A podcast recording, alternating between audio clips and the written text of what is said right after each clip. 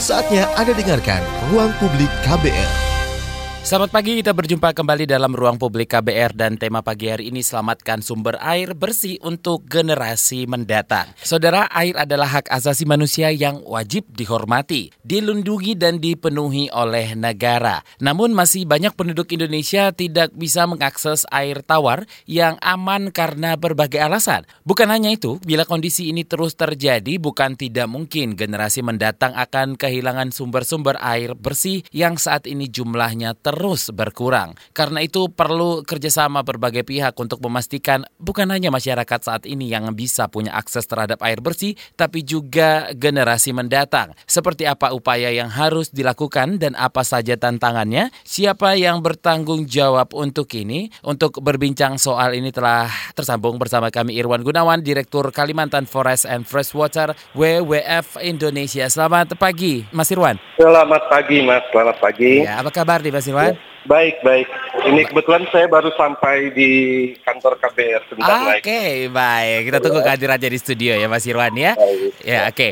Dan saat ini, saudara, ada miliaran orang di seluruh dunia yang belum mendapatkan akses dan sanitasi dan air bersih. Di Indonesia sendiri, menurut data terakhir BPS, layanan air minum yang layak atau safe water baru mencapai 72 persen. Artinya, masih ada jutaan warga Indonesia yang terpaksa mengkonsumsi air kotor. Fenomena krisis air bersih memang sudah terjadi sejak berdekade-dekade lalu di berbagai negara. Karena itu, sejak tahun 1992, PBB menetapkan tanggal 22 Maret sebagai sebagai Hari Air Sedunia, sekedar untuk mengingat nasib saudara-saudara kita yang hak dasarnya akan air belum dipenuhi oleh negara. Di Hari Air Sedunia tahun ini, PBB mengangkat tema Leaving No One Behind atau Jangan Tinggalkan Siapa pun. Tema itu berkaitan dengan Sustainable Development Goal 6 atau SDG 6 yang menargetkan agar negara-negara anggota PBB bisa menjamin air bersih bagi seluruh warganya pada tahun 2030 mendatang. Dan uh, di Hari Air Air Sedunia PBB juga menyampaikan sejumlah data terkait kondisi krisis air yang terjadi di skala global. Di antaranya 2,1 miliar orang hidup tanpa air bersih di rumahnya. Satu dari empat sekolah dasar di seluruh dunia tidak menyediakan layanan air minum dan lebih dari 700 balita meninggal setiap hari karena diare. Penyebabnya adalah konsumsi air kotor dan sanitasi yang buruk. Baik, kita akan obrolan obrolkan ini dengan Irwan Gunawan,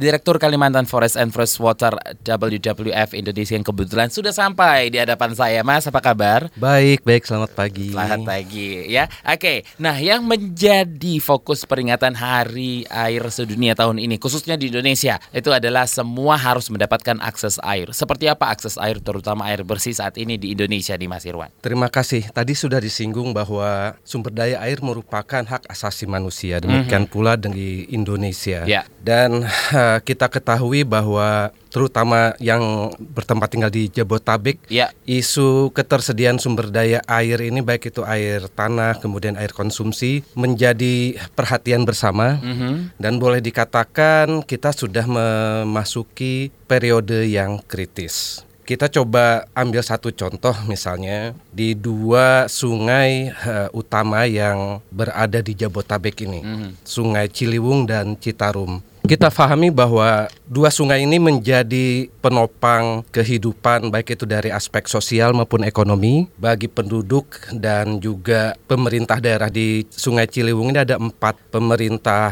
uh, daerah ada dua tiga kabupaten dan satu pemerintah provinsi. Kita melihat bahwa perlu kerjasama saat ini yang mm -hmm secara kolaboratif dari hulu sampai dengan ke hilir begitu ya. Karena terutama permasalahan sampah dan kemudian polusi sudah sangat mengkhawatirkan saat ini begitu. Walaupun memang kita melihat dalam 2-3 tahun terakhir ini sudah ada upaya-upaya bersama ada peningkatan kesadaran publik begitu. Kita melihat ada gerakan-gerakan komunitas yang membersihkan sungai dan sepertinya namun demikian kalau kita lihat bahwa ada situasi yang perlu diperhatikan terutama oleh pengambil kebijakan soal bagaimana peran pihak swasta yang kebetulan sebagai user dan beneficiaries begitu hmm. pengguna dan juga pemanfaat sumber daya air perlu ditingkatkan begitu baik itu dari sisi pengurangan dampaknya maupun bagaimana mendorong mereka untuk berpartisipasi dan berkontribusi berkontribusi dalam paling tidak mengurangi polusi terhadap sungai-sungai ini, terutama dua sungai utama ini Ciliwung dan Citarum begitu.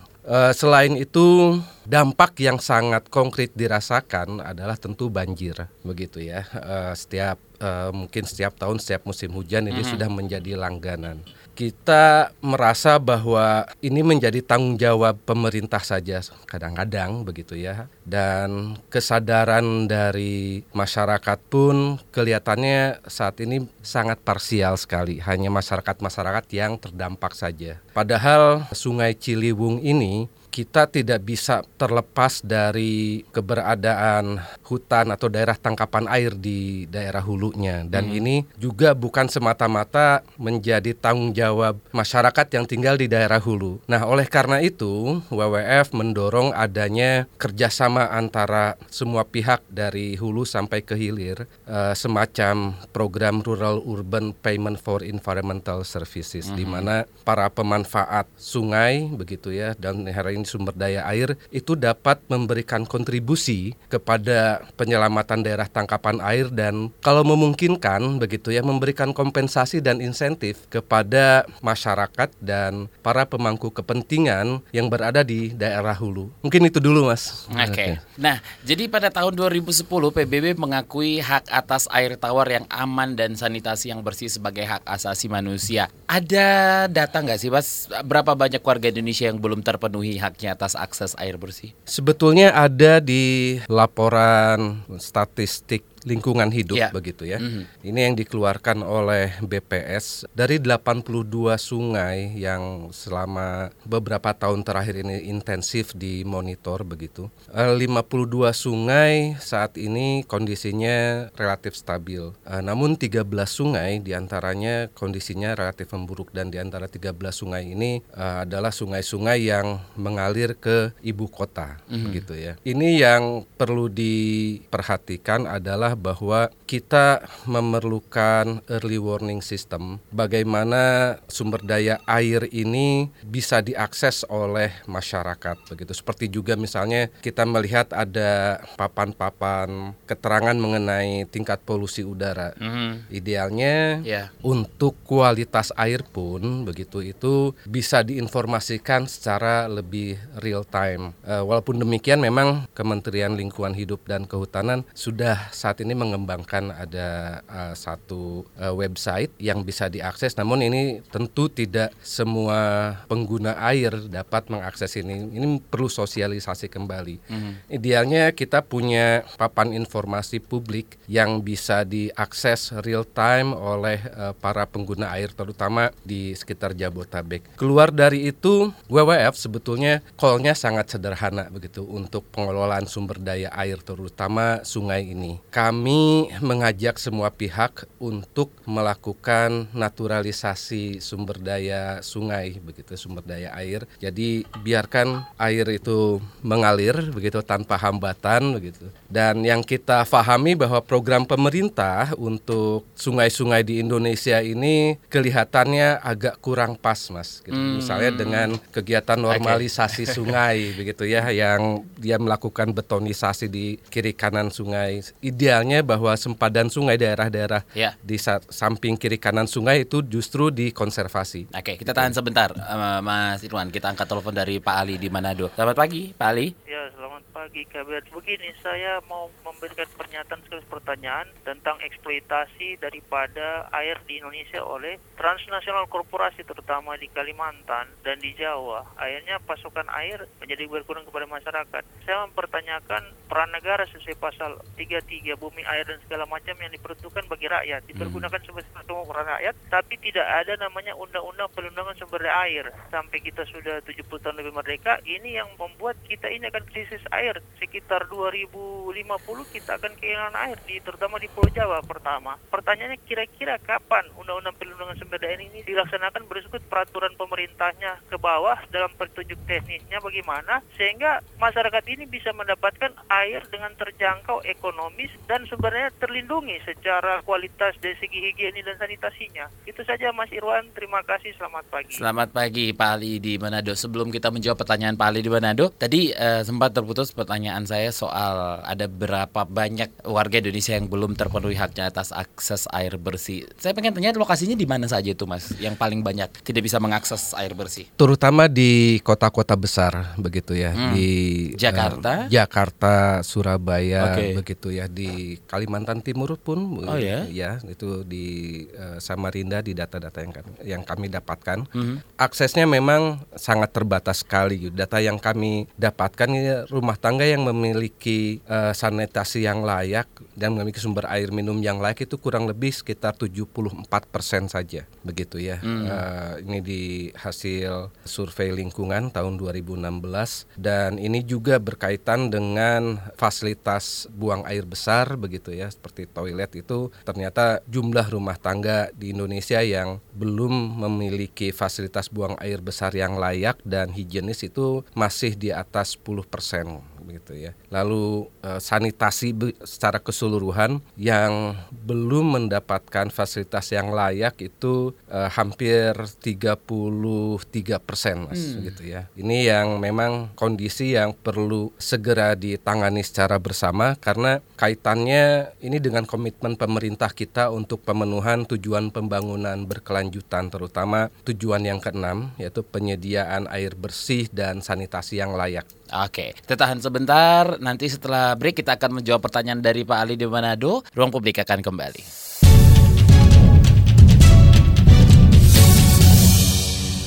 Anda masih mendengarkan Ruang Publik KBR bersama saya Don Brady dengan tema pagi hari ini Selamatkan sumber air bersih untuk generasi mendatang. Dan saya masih bersama Irwan Gunawan, Direktur Kalimantan Forest and Fresh Water WWF Indonesia. Mas Irwan, sebelum break tadi kita sudah ada um, telepon dari Ali Pak Ali di Manado yang bilang eksploitasi air di Kalimantan dan Jawa itu seperti apa. Dan saya ingin mempertanyakan kewajiban negara terkait pasal 33 ya tadi ya.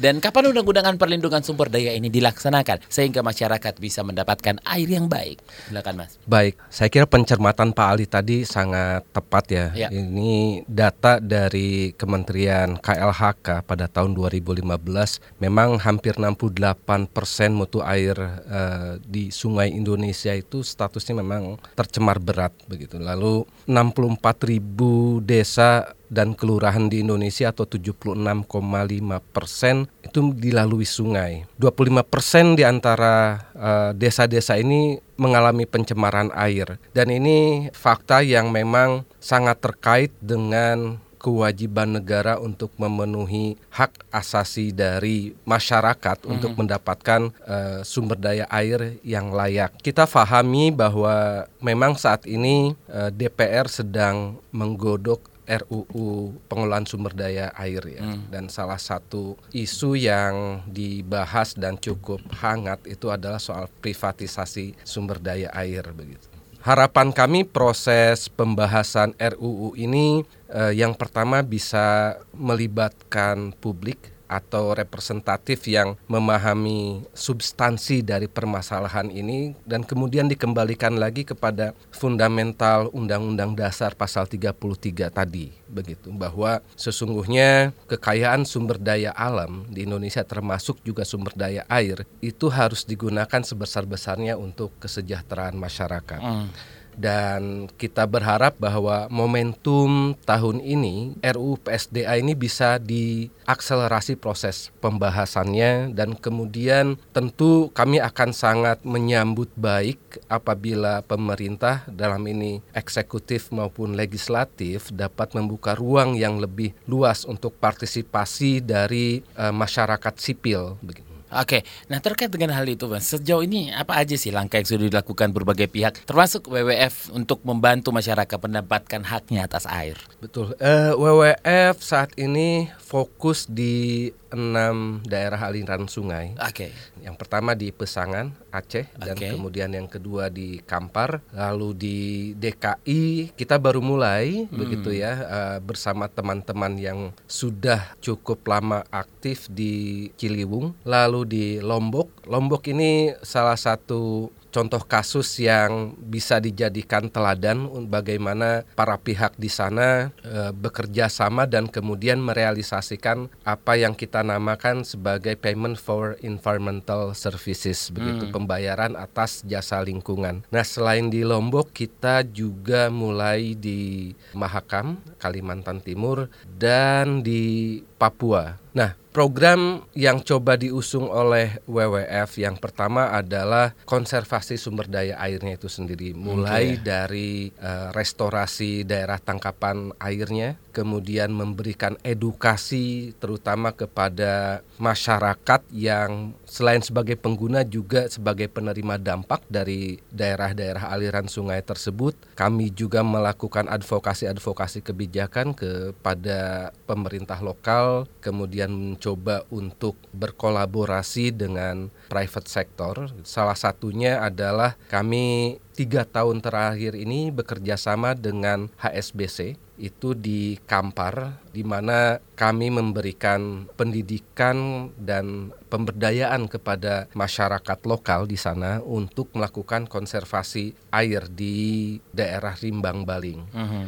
Selain itu di beberapa daerah tangkapan air misalnya di Koto Panjang kami melihat memang sudah terjadi krisis air yang perlu diperhatikan dengan serius di sana. Misalnya bahwa bendungan Koto Panjang itu pada saat musim kemarau debitnya sangat rendah sekali. Itu tidak terlepas dari alokasi penggunaan lahan di sekitar waduk tersebut di mana kita lihat bahwa Eh, dalam beberapa tahun terakhir perluasan kebun-kebun sawit cukup marak di mhm. sana. Selain itu juga ada tambak-tambak. Kami melakukan uh, edukasi kepada para petambak untuk uh, mengadopsi bagaimana pengelolaan tambak yang lebih ramah lingkungan. Sementara kalau di Mahakam, misalnya kami saat ini sedang melakukan kajian pengaruh pengelolaan sumber daya air terutama di Das Mahakam terhadap populasi dan viabilitas atau kelayakan dari pesut mahakam gitu. Mungkin kita ingat beberapa tahun yang lalu ada insiden bahwa ditemukan e, beberapa ekor pesut mahakam yang teracuni dan kemudian tidak bisa diselamatkan begitu dan ini menjadi perhatian WWF tidak hanya di Indonesia saja namun juga di di tingkat internasional. Kami mempunyai satu program yaitu River Dolphin Initiative. Hmm ini fenomena yang sangat menarik sekali di Mahakam ini karena uh, dalam lima tahun terakhir ini sejalan dengan menurunnya eksploitasi penambangan batu bara, populasi dari uh, pesut Mahakam ini sudah mulai membaik kelihatannya begitu karena ada beberapa interaksi dan uh, sightings atau penemuan dari masyarakat-masyarakat yang tinggal di daerah hulu maupun di daerah tengah. Mungkin itu saja. Oke, okay. tapi langkah-langkah ini masih belum cukup nampaknya di Mas. Soalnya kan apa yang masih kurang dari langkah-langkah yang sudah diambil untuk menyelamatkan sumber cadangan air bersih kalau dari Mas Irwan sendiri? Betul, tanggung jawab penyelamatan sumber daya air ini tentu tidak bisa dilakukan secara parsial, hmm. secara kompartemental begitu dan uh, eh, WWF hanya salah satu komponen kecil okay. di dalam puzzle pemangku kepentingan uh, dalam upaya penyelamatan sumber daya air di Indonesia. Dan tentu kita memandang bahwa peran pemerintah itu masih sangat fundamental dalam hal ini. Mm -hmm. Perlu kemauan politik yang kuat Okay. Perlu mungkin sampai dengan tingkat penegakan hukum begitu karena undang-undangnya sudah sangat jelas mengenai pencemaran uh, aliran sungai. Uh, lalu juga bagaimana pemerintah uh, bisa menjadi proksi ataupun fasilitator semua pihak yang berkepentingan di dalam satu daerah aliran sungai agar kekuatan dari masing-masing pemangku kepentingan ini bisa diorkestrasi, Mas. Terutama dari pihak swasta. Sebagai contoh di daerah aliran sungai Ciliwung di sektor Depok saja ada 300 lebih perusahaan yang baik itu mereka memanfaatkan air dari Sungai Ciliwung hmm. maupun membuang limbah ke Sungai Ciliwung. Saat ini memang di Indonesia belum cukup populer berkaitan dengan prinsip polluters pay begitu ya bahwa kalau di beberapa negara lainnya sudah sangat umum kita lihat ada pajak lingkungan di mana bahwa polluters atau perusahaan-perusahaan yang memberikan polusi atau dampak lingkungan yang lebih mereka diwajibkan melakukan reinvestasi kepada uh, sumber daya alam yang mereka gunakan atau dalam hal ini sumber daya air. Selain itu, beberapa kajian juga kelihatannya masih belum dilakukan secara komprehensif. Mm -hmm. Bagaimana kita uh, secara serius mulai dari pengambil kebijakan uh, baik itu lintas sektoral maupun lintas batas administratif bisa bekerja sama dalam suatu kolaborasi yang baik. Okay. Misalkan saja kami melihat sudah ada inisiatif mengenai pemerintah saat ini ada TKPSDA begitu ya. Yeah kurang lebih seperti itu. Ini platform yang baru mulai, tetapi kita ingin melihat bahwa ada langkah-langkah yang lebih konkret, tidak hanya komitmen-komitmen di atas kertas. Oke, okay. nanti saya pengen tanyakan, kira-kira sebenarnya pendekatan seperti apa yang cocok diterapkan di Indonesia guna mengatasi masalah air bersih ini? Tapi kita harus break dulu, Mas. Ruang publik akan kembali.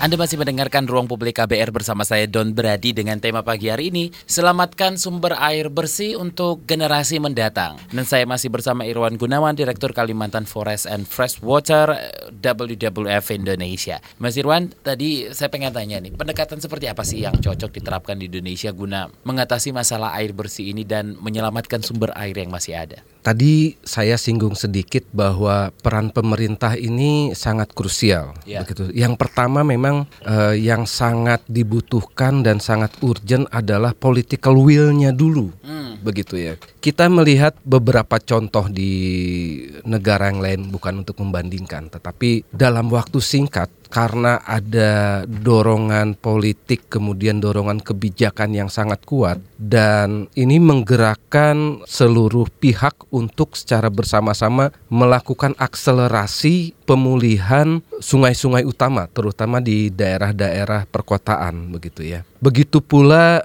kita punya contoh yang cukup baik di Citarum misalnya. Mm. Dengan kemauan politik yang kuat dan kemudian ada sumber daya dan sumber dana yang mencukupi begitu. E, dalam waktu singkat kita melihat ada perbaikan yang cukup signifikan terutama mengenai pengelolaan sampah hmm. begitu ya. Dan ini juga menjadi satu gerakan yang bergulir dengan sangat baik begitu mengingat bahwa saat ini peran sosial media juga sangat membantu begitu. Ya kita lihat di sosial media beberapa bulan lalu ada satu footage begitu yang uh, melakukan ekspedisi sampah dengan menggunakan rakit dari uh, galon plastik begitu hmm. dan uh, tagline-nya waktu bahwa Citarum itu merupakan sungai yang paling kotor sedunia hmm. begitu ya. Dan ini cukup menjadi pelecut bagi pemerintah untuk menyelamatkan reputasinya begitu. Dan ini uh, menurut saya trigger yang sangat baik sehingga pemerintah mengeluarkan kebijakan yang cukup serius begitu. Walaupun ini masih dalam progres ya gitu masih masih sangat berjalan. Tapi ini uh, sesuatu yang uh, patut kita jadikan contoh kita kembalikan lagi bahwa yang pertama setelah ada political will tentu kita perlu mengenerate sumber dananya sendiri begitu dan sumber pendanaan yang menurut saya paling konkret, relevan dan bisa di bisa digerakkan dalam waktu yang singkat dan cukup masif adalah sumber pendanaan dari pihak swasta. Hmm pihak swasta yang mereka yang melakukan kegiatan ekstraktif di sepanjang daerah aliran sungai tersebut. Menjadi tidak hanya sebatas dana corporate social responsibility tetapi ini menjadi bagian yang integral dari perusahaan itu sendiri begitu uh, ini yang perlu disosialisasikan, diadopsi dan segera perlu diimplementasikan. Oke, saya jadi penasaran nih Mas, berasal dari mana saja sih sumber air bersih dan apa saja yang masih ada sampai saat ini? Sumber air itu seperti juga tubuh manusia ya. Hmm. Kalau kita lihat Pulau Jawa begitu kita bandingkan dengan Pulau Kalimantan di Indonesia jumlah sungai saat ini eh, yang sudah teridentifikasi dan terdata itu sekitar 550 lebih sungai. Dan seperti juga kita analogikan dengan tubuh manusia, sungai ini kurang lebih seperti pembuluh darah begitu ya. Dan air pun melakukan metabolisme kurang lebih seperti analoginya sehingga kalau tadi ditanyakan dari mana sumber air ini. Air ini melakukan siklus begitu ya. Ada hmm. ada siklus tersendiri.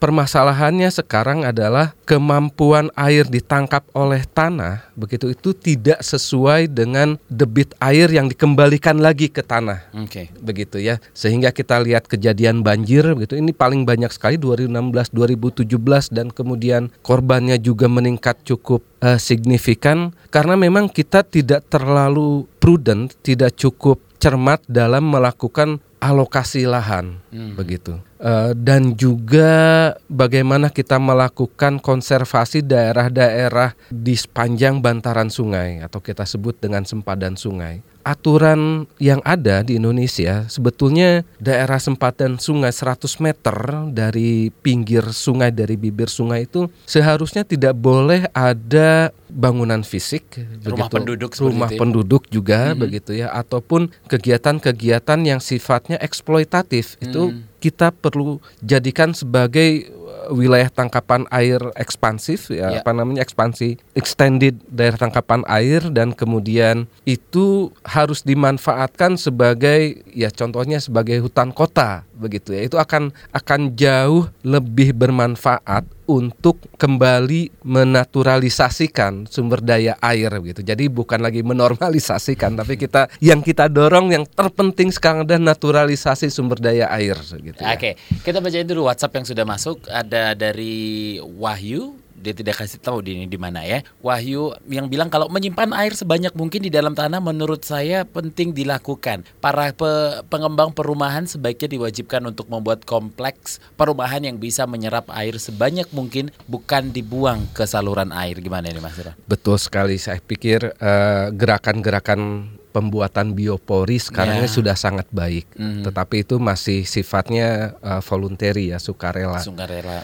Akan lebih baik lagi kalau itu menjadi satu kewajiban atau syarat misalnya pendirian bangunan. Betul. Gitu ya. Mm-hmm. Selain itu koefisien bangunan terhadap tanah itu pun perlu diperhatikan.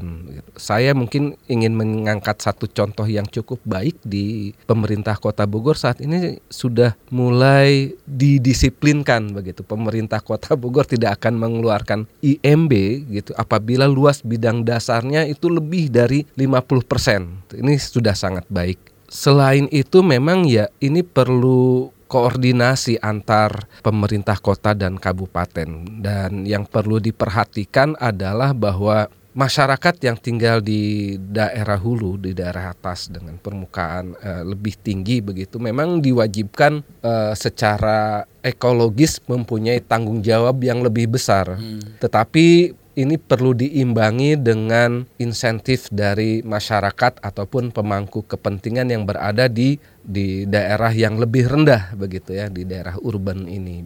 Nah ini yang di Indonesia memang belum cukup populer dan juga belum terintegrasikan ke dalam regulasi. Ke depannya harapan kita begitu ini bisa dihitung dengan baik. Jadi konsep rural urban interaction ini bisa kita terapkan sehingga penduduk Jakarta misalnya tidak hanya marah-marah kepada penduduk yang tinggal di Bogor, di Puncak hmm. pada saat ada kiriman banjir banjir begitu. Tetapi juga ada satu mekanisme insentif begitu. Kalau tidak ingin banjir, oke, okay, ma masyarakat yang tinggal di Bogor, di Puncak itu menyediakan lebih banyak areal untuk daerah tangkapan air. Tetapi juga harus mendapatkan insentif dari penduduk Jakarta. Itu hanya sebagai contoh yang cukup ideal, tetapi menurut kami ini menjadi satu kebutuhan ke depannya apabila kita tidak melakukan adopsi dan kajian-kajian yang lebih komprehensif mengenai rural urban payment for environmental services ini dalam 10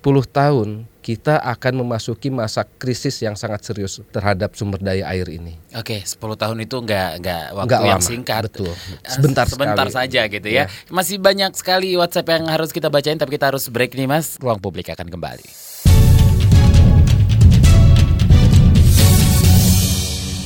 Anda sedang mendengarkan Ruang Publik KBR di segmen terakhir bersama saya Don Brady dengan tema pagi hari ini Selamatkan sumber air bersih untuk generasi mendatang. Dan saya masih bersama Irwan Gunawan, Direktur uh, Kalimantan Forest and Freshwater WWF Indonesia. Mas Irwan ini beberapa WhatsApp yang harus kita bacakan lagi ya. Uh, Dari Anwar di Kalimantan. Air bagian penting dari kehidupan manusia tapi manusia juga yang merusaknya. Gimana Mas? Saya pikir memang ini sudah menjadi kodratnya manusia manusia begitu ya.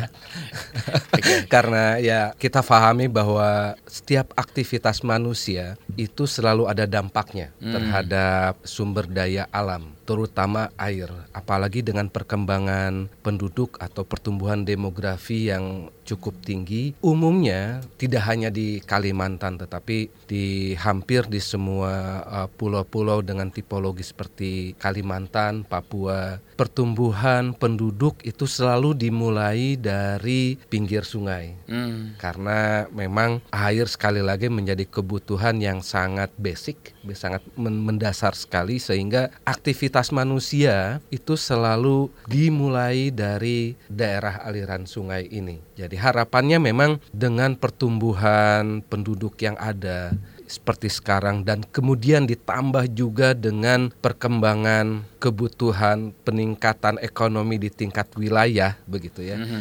Ini perlu perhatian tidak hanya dari pemerintah daerah. Okay. Begitu tetapi juga dari masyarakat, dari komponen civil society-nya mulai dari penyadaran, adopsi dan kemudian mungkin juga sampai dengan penegakan hukum begitu ya untuk menyelamatkan sumber daya air yang nantinya penyelamatan sebetulnya penyelam kita menyelamatkan sumber daya alam termasuk juga sumber daya uh, sumber daya air ini ujung-ujungnya untuk kemanfaatan manusia juga dikembalikan lagi agar anak kita, cucu kita bisa mendapatkan manfaat dari sumber daya air minimal seperti yang kita rasakan sekarang Mm -hmm. Ini kesadaran seperti ini memang harus tetap kita bangun dan kita jaga begitu. Oke, dari Taufik di Aceh, sampah yang tidak dikelola baik membawa banyak masalah ternyata. Berarti pengelolaan sampah adalah salah satu prioritas utama. Betul, ini ada satu persepsi yang sudah terbangun bahwa uh, sungai misalnya itu menjadi tempat sampah yeah. bersama begitu ya. Tidak ada upaya lain yang lebih efektif saat ini kecuali memang pemerintah harus tegas menegakkan aturan bahwa